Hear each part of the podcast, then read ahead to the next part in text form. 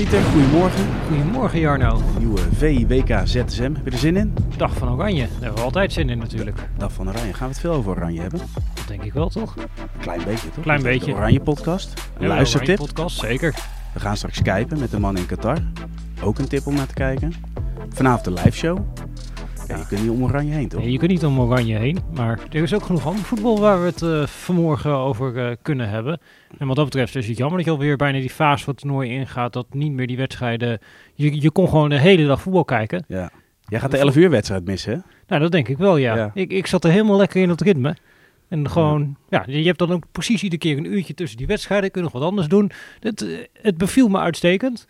Ja, ik wil eigenlijk wel weer terug eh, naar dat eh, ritme. Maar ja, dat eh, zit er geloof ik niet in. Dus nu, maar het is wel leuk natuurlijk dat die beslissingen gaan vallen. Ja. En in bijna iedere pool is er nog echt spannend.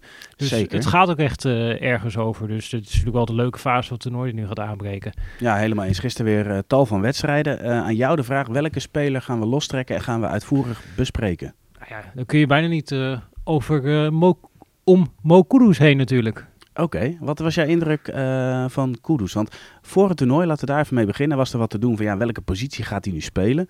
Het leek erop dat hij Er een is dus soort bij van... Mo Kudus altijd wat te doen over welke positie die gaat spelen, geloof ik. Zeker, dat is bij Ajax zo. Alleen de positie eh, waar hij aan gekoppeld werd, een controlerende positie, dat hadden we niet zo direct eh, verwacht bij hem. Waar speelde hij gisteren precies? Hij speelde gisteren meer als een soort van rechtsbuiten in een eh 4-2-3-1 formatie. En de Ja. vorige keer was het natuurlijk meer een soort van ja, 5-3-1-1 formatie, waarin hij eh, links op het middenveld eh, speelde. Alleen ja, Kudus speelt uiteindelijk waar Kudus zin heeft eh, om te spelen. En ik moet zeggen dat dat vanaf die eh rechterflank, en ik zat het, Jos had er ook een stuk over op VI Pro, dat, Ja. nee, dat het functioneerde eigenlijk best wel goed met Kudus vanaf de rechterkant. En dan ga Aan de bal, hè? Ja, aan de bal. Zonder bal, eh, er komen wel twee eh, aanvallen over zijn flanken. Maar ja, ik moet zeggen dat eh, bij de structuur van Gada, daar klopt er sowieso niet zo heel veel van in het verdedigen. Dus ik weet niet of we dat eh Mo Kudus moeten gaan aanrekenen. Alleen, nou ja, als je dan naar Ajax dit seizoen kijkt, die hebben natuurlijk wel problemen gehad eh, op die eh, rechterflank. En daar heeft Kudus nog ja, niet of nauwelijks de kans gehad. Dus dat prikt dat wel de gedachte van, goh, zou dat ook eens voor Ajax kunnen zijn, eh Ja. Mo Kudus als rechtsbuiten. Ja, speelt hij dan, tenminste houdt hij dan wel vaak die rechterflank of zoekt hij dan ook wel de ruimtes op links in de as? Eh, zakt hij uit? Ja, Ja, die doelpunten, dat zie je natuurlijk, dat hij daar zoekt hij de 16 op. En dat is, Ja. ja. het is best wel vreemd, die Mokulus. Ik moet ook vaak een beetje denken aan wat voor spelers doet hij me nou eh, denken. Ik kwam uiteindelijk een beetje terecht op eh Moussa Dembele. De speler die bij Ja. Willem II eh, en AZ eh, natuurlijk eh, ook heeft gespeeld eh, in Nederland. En daar werd altijd over gezegd, totdat zijn ideale positie gevonden werd. Ja, Moussa Dembele is de beste, wereld, beste speler ter wereld op het moment dat voetbal zonder doelen gespeeld zou worden. En ik Dat had Pochettino die dat zei, hè? ja, en ik had Ja. ook altijd een beetje zo'n gevoel enigszins bij Mo Kudus. Omdat ik kan me heel goed voorstellen dat als bij Ajax, als je training hebt, eh, kleine partij spelen.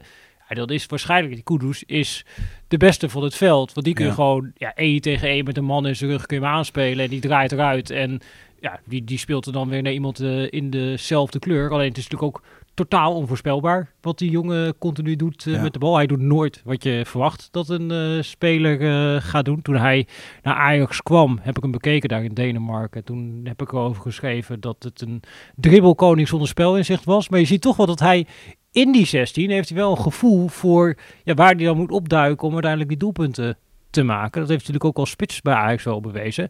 Zeker, ja. Ik denk, ja, op een middenveld, er wordt al veel natuurlijk gezegd van, nou, moet hij misschien erachter spelen, maar ja, ik Ja, weet niet dit of is dat... wel een interessante discussie, Pieter. Want eh, jij, jij doet, je, je maakt een vergelijking met Dembele. Willem II, goede spits. Werd bij AZ gehaald als spits. Kwam vervolgens voor de verdediging te spelen. Dus als controlerende middenvelder meer.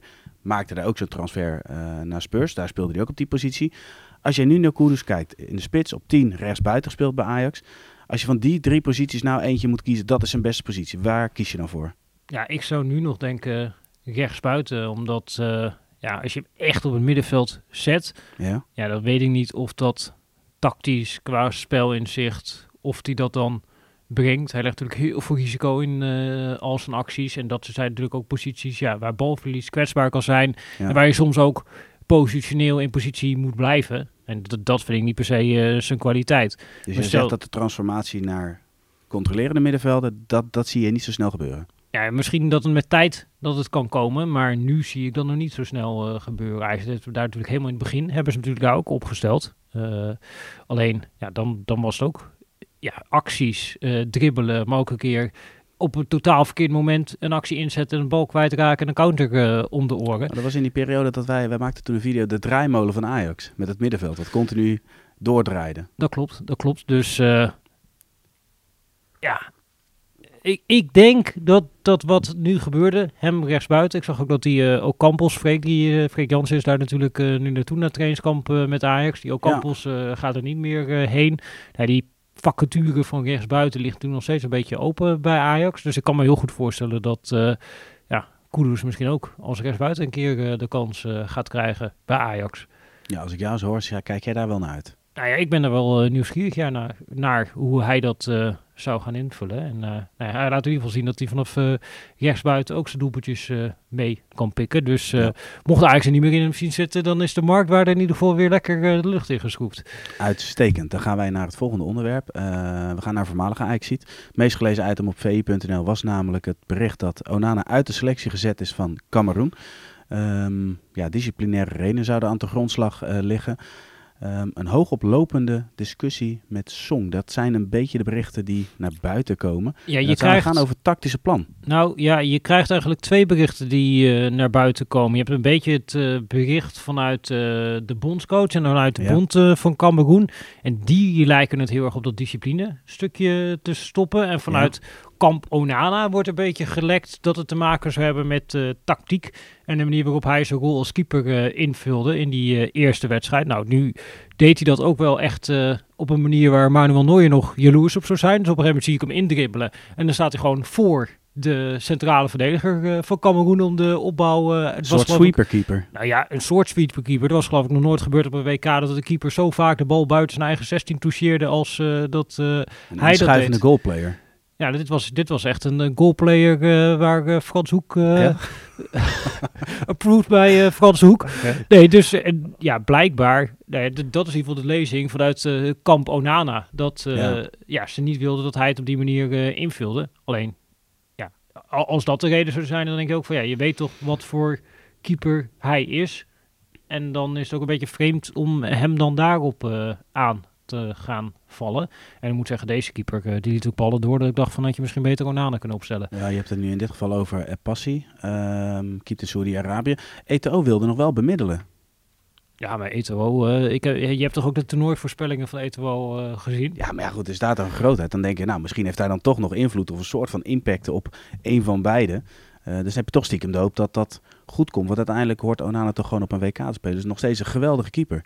Klopt, alleen ja, het, volgens mij eh, is er nu wel echt uh, voorbij. Maar goed, uh, ik denk dat het voor heel Cameroen uh, binnenkort voorbij is op dit ja. WK. Dus dan is dat ja, hoofdstuk afgesloten. En dan kan hij zich richten op Inter, waar hij toch wel op een hele knappe manier zichzelf weer in de picture heeft gezet. Echt zich daar weer in heeft gekiept.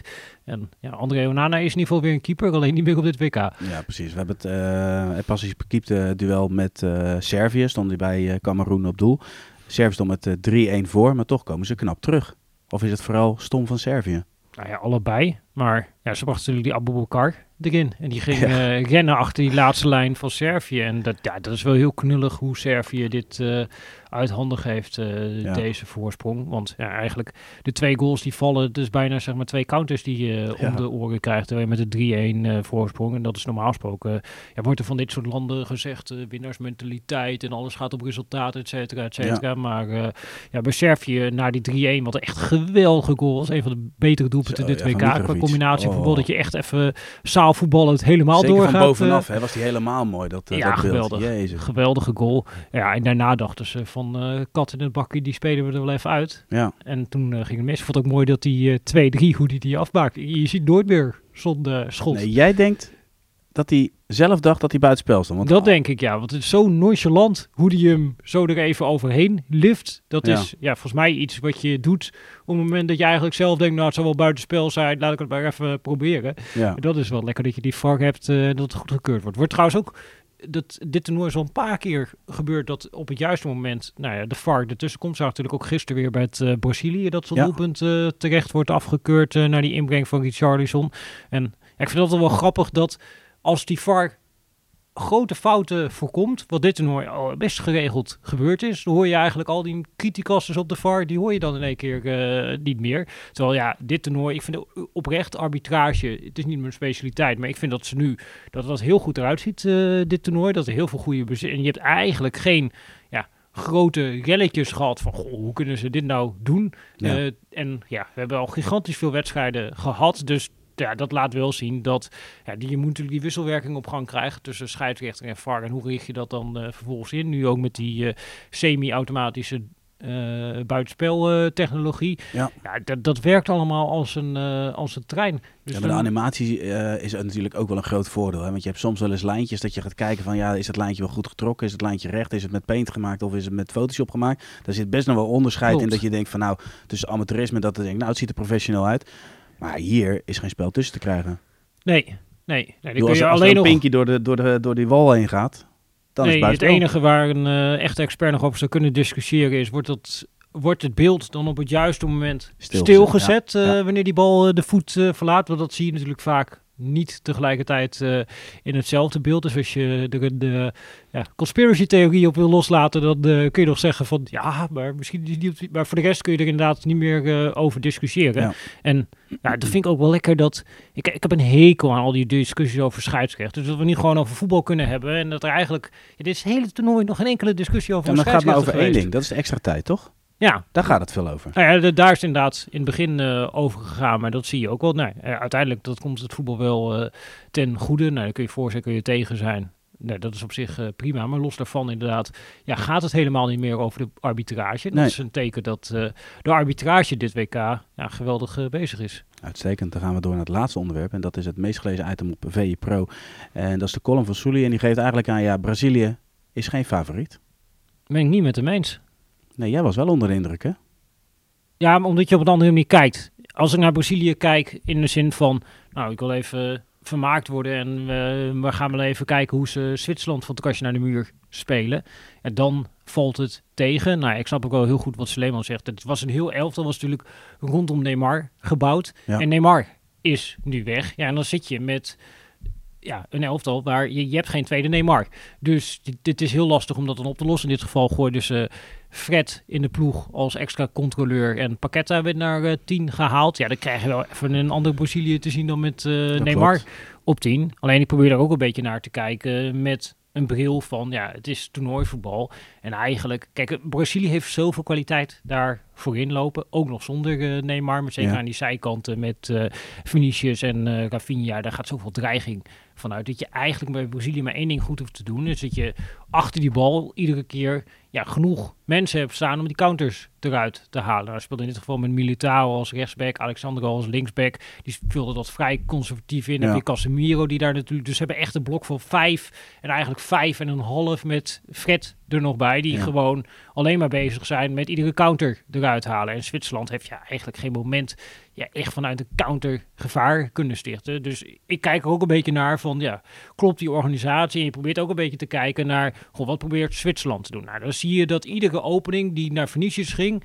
dan ging die rechtsback, die zat meteen kort erop. En de rechtsmid van... Uh, dus die, de, ja, de rechtsbuiten slash rechtsmid, uh, die daar rechts aan de zijkant speelde, die zag je meteen terugsprinten om daar te dubbelen aan de zijkant. Ja, dan zit je er te kijken.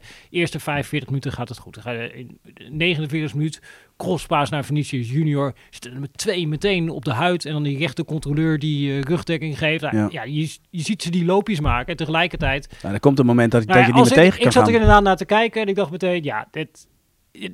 Ergens in de laatste 20 minuten zitten, dan hou je je niet meer vol. Dan is die rechtsbuiten, die denkt op een gegeven moment ook, ja, dan ga ik weer voor de achttiende keer deze wedstrijd een sprint van 50 meter naar achter trekken om te dubbelen bij Vinicius. En dan zie je inderdaad dat die moment waar die goal uiteindelijk uh, uitkomt, paas naar Vinicius. Nou, die rechtsback zit niet meer echt kort. Die rechtsbuiten, die loopt wel terug, maar dan gaat een beetje op zijn 11 dertigste. Dan die rechter controleur, die dicht niet meer die ruimte aan de binnenkant. Ja, en dan is ook een fase van de wedstrijd aangebroken, waar ook een Casemiro op een gegeven moment zegt, ik ga mee naar binnen.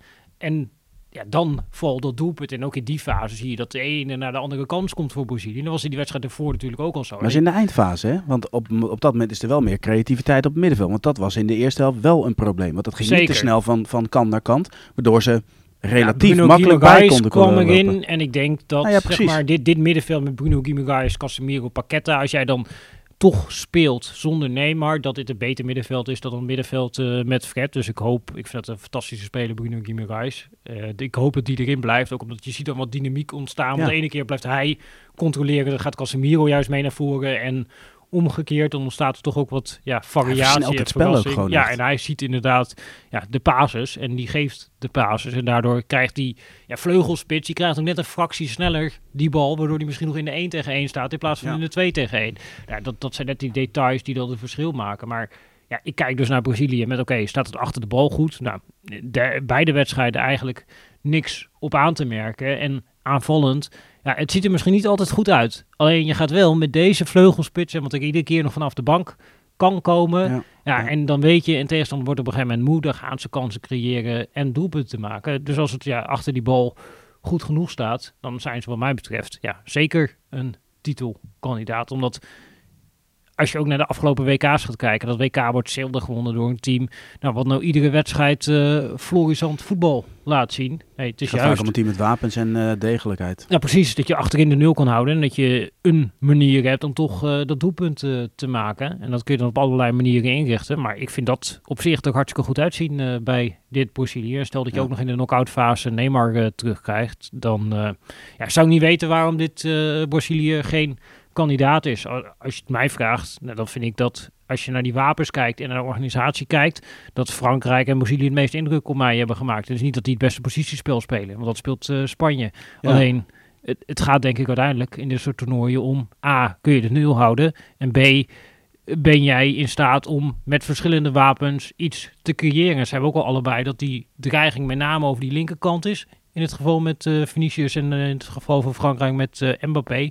Maar dat er aan die andere kant met Rafinha en Dembele ook een speler staat. Die als je die bal naar die andere kant verplaatst in de 1 tegen 1 ook wat kan creëren. En ja, dat, dat, je hebt niet zoveel teams die echt twee vleugelspitsen hebben die iets kunnen Nee, creëren. En die kunnen natuurlijk ook allebei nog met eh Koeman, met eh, Anthony, ja, spelers vanaf de bank brengen in zo'n slotfase die fris zijn en iets eh, kunnen creëren. Je ziet al die teams, die maken de ruimtes heel klein, allemaal het centrum dicht. Ja, het is Ja. bijna alleen maar aan die zijkanten dat er ruimtes liggen. En als je daar dan een speler hebt die de 1 tegen 1 gevaarlijk is, ja, dat maakt wel echt een verschil. En als je dat dan weer afzet ten opzichte van Argentinië, ja, die heeft daar eigenlijk bijvoorbeeld aan de zijkant alleen Angel Di Maria. Ja, aan de En- andere kant speelt Papu Gomez vaak, hè? Ja, die was natuurlijk gepasseerd in die tweede wedstrijd. Dus toen speelde McAllister daar, maar Ja. dat is gewoon een middenvelder. Dus ja, die hebben dan heel weinig dreiging echt eh, via die zijkant. En dan moet dan komen van de opkomende back. Maar die gaan natuurlijk niet in een 1 tegen 1 wat eh, creëren. Wat je natuurlijk ook ziet bij het Nederlands elftal. En dan krijg je hele stroperige wedstrijden waar het moeilijk is om echt iets te creëren tegen een eh, team. Dus ja, de teams die wel die wapens hebben aan de zijkant, die zijn denk ik eh, gigantisch eh, in het voordeel. En dat is Brazilië, een van die teams. Dus wat mij betreft is Ja. Brazilië wel echt een titelkandidaat. Ook al ziet het voetbal er niet fantastisch uit. Nee, je haalde zelf in je verhaal Frankrijk al aan. Dat wilde ik ook nog voorleggen aan je. Want die hebben inderdaad, eh, wa- wa- wat je zegt als je het hebt over degelijk, eh, controle, wapens aan de zijkant. Die hebben dat natuurlijk ook goed voor elkaar. Als jij dan moet kiezen tussen Frankrijk en Brazilië, op wie zou jij dan nu je geld zetten? Nou, ik zit denk ik nog op Brazilië. Omdat, ja, dit, ik vind eh, zeker ook in de breedte hebben die gigantisch veel wapens in die ploeg. En dat eh, ja, is bij Frankrijk met al die blessures, is dat toch eh, denk ik eh, iets minder geworden. Dus ja, eh, maar dat, dat, het verschilt denk ik niet zoveel. Frankrijk eh, en Brazilië en in zo'n toernooi. Eh, het is ook toernooivoetbal dat niet altijd het beste team wint het eh, WK. Dus je kunt het even geluk hebben met of dat je een makkelijkere route hebt, of dat je in een wedstrijd dat het even mee zit, eh, dat je zo'n wedstrijd eh, eruit sleept. Ja, dat bepaalt ook vaak eh, het verschil tussen een geslaagd toernooi en een totaal mislukt toernooi. Iets heel anders. Soms moet je gewoon eens een keer van out of the blue aan name dropping doen. Oepa Meccano, die vind ik zo fenomenaal spelen dit WK. Ja, maar dat, dat sowieso, dat, dat Frank is er laatst over na te denken dat die, er lopen heel veel spelers bijvoorbeeld die in de Bundesliga spelen bij Frankrijk. Ja. ja, dat vind ik dan best wel een eh, opvallend iets. Dat je, dan zit je ernaar te kijken en dan ga je zo over nadenken van, ah, het is toch wel ja, vreemd dat al die Franse talenten, heel veel daarvan, ja, dat toch in de Bundesliga, maar ook Tucciameni die daarvoor staat. Oh man, daar kan ik ook echt van genieten, dit uh, WK. Wel blokken met Konaté, Upamecano, Tchouameni. Ja. Oh man. Ja, maar nee, maar dat is eh, ja, echt een goed team. En nu hebben ze natuurlijk Koundé erbij gezet als eh rechtsback. Ja. Als je het hebt inderdaad over restverdediging, waar het dan vaak over gaat. En ook Daar vind ik ze Snelheid. dan Frankrijk of Als dan je- Brazilië. als je inderdaad ook hebt over snelheid, ja, daar hebben zij inderdaad wel ja, die, die kwaliteiten om ook Ja. een team ja, met heel veel snelheid, om dat dan eh, te kunnen stoppen. Dus eh, ja, het zijn wel echt eh, ja, kandidaten. En eh, ook als je naar speelstijl kijkt, ja, dat lijkt gigantisch veel eigenlijk eh, op elkaar hoe ze dat invullen. En ik heb tot nu toe wel het idee dat ja, dit misschien wel een speelstijl is ja, die je dit WK heel ver kan gaan brengen. Duidelijk Pieter, hartstikke bedankt voor jouw bijdrage in deze VIWK ZSM. En jongens, jullie bedankt voor het kijken en voor het luisteren. Morgen zijn we uiteraard weer terug met een nieuwe aflevering. Maar vandaag alles rondom Oranje. Live show, updates vanuit Qatar en natuurlijk de Oranje podcast. Tot ziens!